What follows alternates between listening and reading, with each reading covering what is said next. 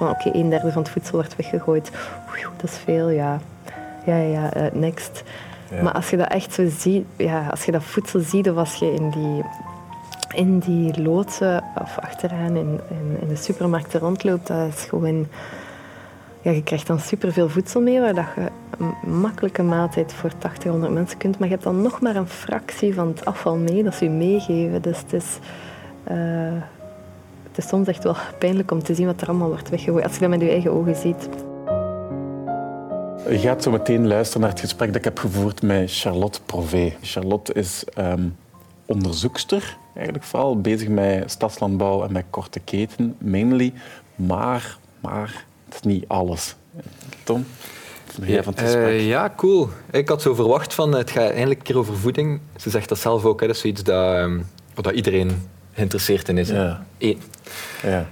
Um, het was voor mij vooral interessant om, om te zien hoe dat iemand die heel de problematiek door en door kent, wat die beslist om zelf te doen in haar eigen leven. Mm Dat vond ik er zalig. Ja.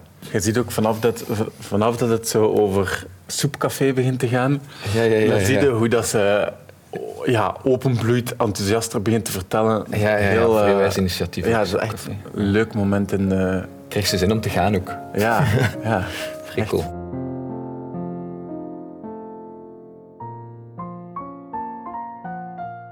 de tijd dat ik onderzoek, of, uh, onderzoek gedaan heb in mijn doctoraat, dan merk je dat in veel Europese steden dat dat vooral um, het, het, het, het, trekt aan. Het is, een, het, is een heel, het is een heel aantrekkelijk onderwerp, stadslandbouw. En veel steden willen voedsel terug op de agenda zetten, wat een heel goede evolutie is. Um, maar dat in dat duurzaamheidsdiscours van stadslandbouw is duurzaam, eigenlijk willen we gewoon een aantal projecten hebben. Want dat komt ook het imago van een stad ah, ja, dat we dan hip lijken. Green, green marketing, ja. dat soms. Um, en terwijl dat de intenties vaak wel goed bedoeld zijn, maar, mhm. maar als daar niet op een, op een hoger niveau wordt over nagedacht, van uh, misschien ja, een, een evolutie waar ook vaak over geschreven wordt, is uh, gentrification, gentrificatie van mhm. steden. Dus er is al aangetoond in verschillende steden dat um, veel moestuinen worden dan aangelegd in, in arme, verloederde wijken, um, om net die mensen ehm, toegang te geven tot groene ruimte, omdat daar vaak ook groene ruimte ontbreekt of open ruimte. Mhm. Maar dan het effect daarvan is dat die buurten ook weer aantrekkelijker worden voor mensen met meer geld. Uh, dus dan gaan mensen met een hoger budget daar ook beginnen huizen kopen. En dat jaagt de huizenprijzen de lucht in, mhm. in die wijken. Uh, en dat duwt ook gewoon de mensen, de oorspronkelijke bewoners van die wijk, ook, ook buiten. Dus het heeft ook die, die vergroening van een stad kan ook onbedoelde gevolgen hebben waar je wel goed over moet nadenken. Het is niet altijd zomaar duurzaam. Ja. ja. Dat is wel een probleem, want dan zijn ze precies dan zijn ze iets goed aan het doen. Ja. En dan is dat... Dat ook nog oplossen. Ja, het is, het is sowieso het is altijd complex. En, en wat er heel vaak in zit in die, uh, in die korte keten is... Um, het gaat ook over een rechtvaardig inkomen voor de boer. De boeren hebben het gewoon heel moeilijk uh, de laatste tijd. Uh, allez, vooral ook naar inkomen toe. Dus die korte keten kan strategisch zijn voor het inkomen te, uh, ja, te verhogen. Ja. Of om je job zinvoller te maken. Je komt meer in contact met de mensen, je krijgt waardering, et cetera. En anderzijds wordt die stadslandbouw uh, ook gebruikt van ah, die sociale cohesie. Dat is goed voor sociale cohesie, dat is goed voor toegang tot gezonde voeding. En mensen leren weer weten waar hun voedsel vandaan komt. Um, of doordat ze hier met groenten bezig zijn, gaan ze ook misschien meer die link maken met het platteland en de producenten. Mm Maar die twee zijn gewoon heel moeilijk verzoenbaar met elkaar. Je kunt niet die toegang tot gezonde voeding, als, als je het wilt dat het bepaalde socio-economische doelen dient, dat strookt heel moeilijk met dan een hoger inkomen van de boeren. Want vaak is die korte ketenproducten of die duurzame biologische producten zijn ook gewoon duurder. Ja. Dus de boer krijgt al een te laag inkomen en zijn prijs is ook al te klein. Dus daar zit heel grote frictie in. Mhm. Ehm, en ik denk niet dat alle stadslandbouwprojecten of alle korte ketenprojecten beide moeten doen. Hè. Eh, mhm. het is ook vaak... Um, het is ook vaak gewoon tegenwoordig of gezet op het ene of op het andere. Maar ik vind het wel interessant om te zoeken waar dat er dan projecten zijn die er wel in slagen. Uh, of waar kan je als stadsbestuur proberen wel die twee, hè, dat je wel ook enerzijds dat economische verhaal van we willen meer, een meer lokale economie en we willen die boeren ook behouden die we hebben op ons grondgebied. Maar we willen ook dat dat niet zomaar naar de mensen gaat die, die het kunnen betalen. Mhm.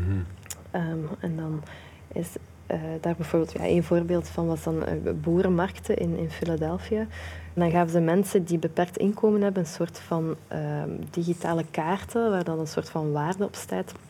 En voor iedere 5 dollar die ze spendeerden, mochten ze voor 10 dollar meenemen naar huis. Mhm. Eh, op die manier werden, worden mensen die het eigenlijk niet kunnen betalen ook gestimuleerd om, om, om naar die boerenmarkten te gaan. En in dat opzicht, dat zijn voorbeelden van projecten waar, dat je wel, waar dat wel over wordt nagedacht van hoe kunnen we die frictie wel verweven met elkaar. Ja.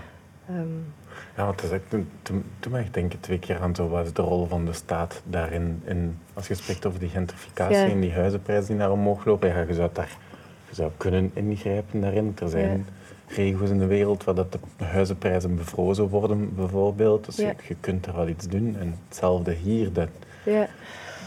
Ja, de, vooral de stad heeft, heeft, kan een heel grote rol spelen in, in, ehm, ja, in voedsel en, en, en ook hoe, wat doe je met de beschikbare ruimte die je nog hebt. Een stad heeft heel vaak uh, publieke gronden in haar bezit. Zij zou daarvoor kunnen beslissen, allez, zij zou kunnen beslissen om die, om die gronden in te zetten voor lokale productie of er alles aan doen om die boeren te behouden die nog op het grondgebied uh, grondgebied zijn. Um, maar is dat omdat de staat zoiets heeft van voeding, dat is onze rol niet meer of zo? Of dat, is, dat wordt geregeld door de markt? En niet zo de kleine gezellige markt, maar de, de grote markt? Ik, ik, denk enerzijds dat, van, hè, we, dat besef van we hebben toch voedsel en het is goedkoop en, en wat, wat moeten we doen. Ja. En, en um, een stad heeft ook heel veel heel veel andere uh, targets die ze moeten halen. Uh, neem bijvoorbeeld allee, rond sociale woningen en zo. Dus als er beschikbare ruimte is, ja oké, dan moeten we dringend sociale woningen bouwen. Dus ik snap dat ergens ook wel dat dat dan zo zoiets van, ah ja, het is toch in orde, uh, we, gaan er, we, gaan er, niks rond doen. Is dat omdat het probleem niet genoeg gevoeld wordt? omdat het... om, gelijk dat je zegt, van, er is toch voedsel, dat is dit iets waar we niet mee moeten bezig zijn. Het is ook hoe ik er in eerste instantie over zou denken. Hè. Dus, ehm. zo, ja, wat is het probleem eigenlijk? Ja, ja ik, ik denk dat, en, en ik denk dat heel veel aandacht ook, of als er al aandacht is voor voeding, dat het heel sterk gaat over persoonlijke gezondheid. Hè. Ja. ik, moet toch, ik moet toch echt... Uh, maar niet over... Maar niet over, oké, maar daar zitten heel veel socio-economische, structurele problemen achter. Daar zitten heel belangrijke vragen achter over import, export, over uh, wat voor voedselsysteem willen we, um, wie, wie heeft er toegang tot gezonde voeding. Um, dus dat zijn vragen die ik, ja, ik focus mij dan op die stadslandbouw en die ja. korte keten, maar dat zijn vragen die daar even hard kunnen gesteld worden. En ik vind het wel fijn om daarover na te denken en te kijken waar, waar moeten die vragen gesteld worden en, en Um, ja, waar kunnen er oplossingen gevonden worden voor, ja. voor problemen zoals toegang tot voeding? En wat ik dan ook vaak, vaak argumenteer, is dat ook binnen die stadsnormaal, hoe klein en betekenisloos dat het ook kan zijn in termen van productie. Mm um, de, als je wel, zoals ik gezien heb in Philadelphia, als je dat wel in dat DNA steekt van die projecten en die mensen die daarmee bezig zijn, dat het ook gaat rond toegang tot voeding, krijg je een heel ander je kijkt heel anders naar die dingen. Hè. Je creëert eigenlijk een andere manier van denken en eh, iets dat breder is en, en meer maatschappelijk dan puur. Oké, ik wil hier die gezonde voeding, want ik, heb, ik wil meer mijn eigen groentjes kweken. Mhm. Ehm, dus dat, ja, dat probeer ik daar dan zoveel mogelijk in, in uh, of dat denken in te, ja, in te stimuleren. En, en, wat ik soms dan ook denk, om nog verder terug te komen op die, waarom dat steden daar niet mee bezig zijn. Um, stadslandbouw en korte keten, dat, als je dat puur op papier bekijkt, dan denk je van, dat is een prachtige oplossing. Hè. Dat heeft sociale doelstellingen, dat verwezenlijkt ecologische doelstellingen, dat verwezenlijkt economische, culturele. Allee, dus dat is zo'n beetje de golden bullet. Soms wordt dat ook zo voorgesteld. Mhm. Maar dat gaat zo traag en er zijn altijd heel vaak maar zo weinig projecten die, die, van de grond, die van de grond komen. Ik vraag me af, hoe komt het dan als dat dan... Iedereen, iedereen is erover eens dat dat een, een goede oplossing is. maar dat moet functioneren in een marktlogica. En, en je, je, moet al bijna van het idealisme um, ervoor kiezen om een stuk grond als stadsbestuur um, of, of, als privé-eigenaar van een stuk grond zeggen, kijk, ik wil dat houden voor, uh, om mijn buurt uh, op te waarderen of ik wil dat stuk grond gebruiken om, om voedsel te kweken. Ja, als je daar uh, een, een kantoorgebouw zet of een groot appartementsgebouw, ja, een stuk... Ja, ja. Die paar groenten die je gaat kweken, die gaan niet evenveel opbrengen. Niet evenveel net opbrengen. Iets net iets minder. Dus je moet al eigenlijk heel overtuigd zijn. En, je moet al, mhm. en, en ik vind dat dan ook niet zo verwonderlijk. Ik ben al zoveel jaar met de onderwerp bezig. En ik, of ja, hebt mhm. soms zelf... Het, allez, ik heb vaak het gevoel van, ik, ik vat het ook allemaal niet. Of er blijven gewoon nieuwe, nieuwe informatie op mij afkomen. Dus ik denk mensen die, die doorgaans niet veel tijd hebben om met voeding bezig te zijn. Of, of rond het onderwerp. Uh, dingen te weten te komen, ja, dan, ik snap dat ook wel dat je daar, dat je daar niet verder over nadenkt en dat alles wat in de supermarkt ligt, dat dat gewoon een goede evolutie lijkt, want we hebben toch steeds meer en het is steeds goedkoper.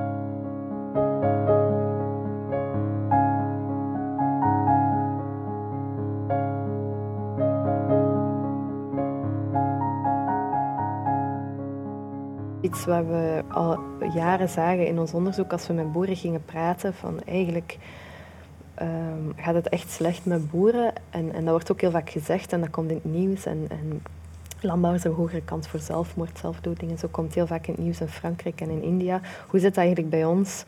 En, en, en we vervallen zo in anekdotes van die boer. Met die boer gaat het echt niet goed en zo. Dus uh, hadden we besloten om daar onderzoek naar te doen. En, en zeggen, eigenlijk moeten we dat een keer echt gaan onderzoeken. Van hoe gaat het eigenlijk met de boer? En uh, ik, ja, ik vond dat super leerrijk om gewoon... Um, de aanpak van de interviews was ook anders dan anders. Dus ik ging gewoon met boeren praten en, en, en ik vroeg hen om hen mijn levens, of haar mijn levensverhaal, hun levensverhaal te vertellen. Um, en ja, dat, ik vond dat ongelooflijk wat dat daar... Uh, gewoon het, het, perspectief van de boer op, op zijn bedrijf, maar ook zijn verhouding of zijn relatie met de maatschappij, hoe dat hij vindt dat hij gepercipieerd wordt door de maatschappij. Um, het is echt wel een hard leven. En, en, en bijna alle boeren die we spraken, die maken zoveel mee. Uh, zoveel, vooral zoveel laagtes de laatste jaren, dat ik het ook straf vind dat we daar niet meer, niet meer aandacht voor hebben. Of dat dat niet meer... Um, ja, dat we ons daar niet meer van bewust zijn, dat vind ik raar wel soms. Dat we ons niet... Um, als wij ons eten zelfs op ons bord krijgen, dat we zo daar niet bij stilstaan van, maar iemand heeft dat wel gekweekt, iemand heeft daar wel maanden, allee, is daar maanden mee bezig geweest of zo. Dus dat vind ik, um, ja, moeten we niet ook een keer naar de boer luisteren? Moeten we niet mhm. meer gaan kijken van, uh, ja, de, de boer heeft geen inkomen, heel veel boeren produceren onder de onder hun kostprijs. Dat mag eigenlijk niet. Hè. Dat is tegen de economische competitieregels. Maar alleen boeren mogen dat wel. Die mogen wel onder de kostprijs produceren. Het voelt inderdaad gelijk, als je het gaat kopen, het voelt zo... Je denkt inderdaad het is, niet het wordt zo steriel, ja, ja, zo steriel voorgesteld. dat alsof het fabriek rolt of zo. Ja, zo'n mooi licht en muziekje in de mhm. supermarkt. En, uh, ja. ja. Want hoe denken boeren dat, hoe denken boeren dat, dat de maatschappij naar hen kijkt? Um, ja, er zit natuurlijk, je kunt niet over de boer spreken, ze zijn allemaal, allemaal verschillend, maar wat heel sterk naar boven kwam was dat gebrek aan waardering. Hè. Um, boeren werken zo hard en, en dan denk je van ja, nu zijn we weer uh, de, de, moeten we weer, uh, we weer de zonnebok van het klimaat. Ja. En uh, we doen al zoveel, we doen al zoveel aanpassingen. dus dat ja, je ziet dat boer ik ik zal wel willen voortdoen, hè, maar soms denk ik, waarvoor doe ik het nog? Ja. Uh, als mensen dan toch alleen maar slecht over mij denken, of, of ze komen mijn bedrijf opwandelen en soms kritiek geven dat het mijn erf er lelijk bij ligt, of, of ik een milieuvervuiler ben of zo. Oké, oké. dus dat... Uh, dat ja, dat, die, dat gebrek aan waardering dat zit heel diep bij landbouwers. Um, ja, het is ook die zorgen voor ons eten. Zo. Dat ja, dat vind, ik ook. dat vind ik ook. Dat is zo'n basis. Hebt, ja, die komt... Ja. En dan zo... We zijn er zo weinig mee bezig. Of dat vind ik wel. Van een... Oké, dat systeem zit misschien allemaal wel goed in elkaar. Nee. We moeten ons niet mhm. per se zorgen maken dat er morgen geen eten gaat zijn. Soms krijg je zo wel van die berichten van ja, als... als uh, als er geen transport meer is, was dat in Londen na drie dagen zijn de winkels leeg en dan creëert je wel zo'n gevoel van paniek, van hoe, hoe. Ja, ja. ja, inderdaad, we zijn wel afhankelijk van heel veel factoren voor ons voedsel. Maar gewoon zo die, dat basisbewustzijn dat dat, dat, ehm, ja, dat, dat voedsel dat dat uit de aarde komt. Hè, dat waren heel veel dingen waren zaadjes of zo. En, en dan opeens zijn dat planten, maar iemand heeft daar zorg voor moeten dragen. Uh, dat is gewoon natuurlijk. Ik vind dat, ja. ik vind dat een wonder, maar dan kan ik mij voorstellen de manier hoe dat, dat dat nu gepresenteerd wordt, of, of dat je in veel restaurants gewoon de, de halve wereld op je bord kunt bestellen dat creëert ook gewoon een, een, een vals gevoel van het is allemaal oké.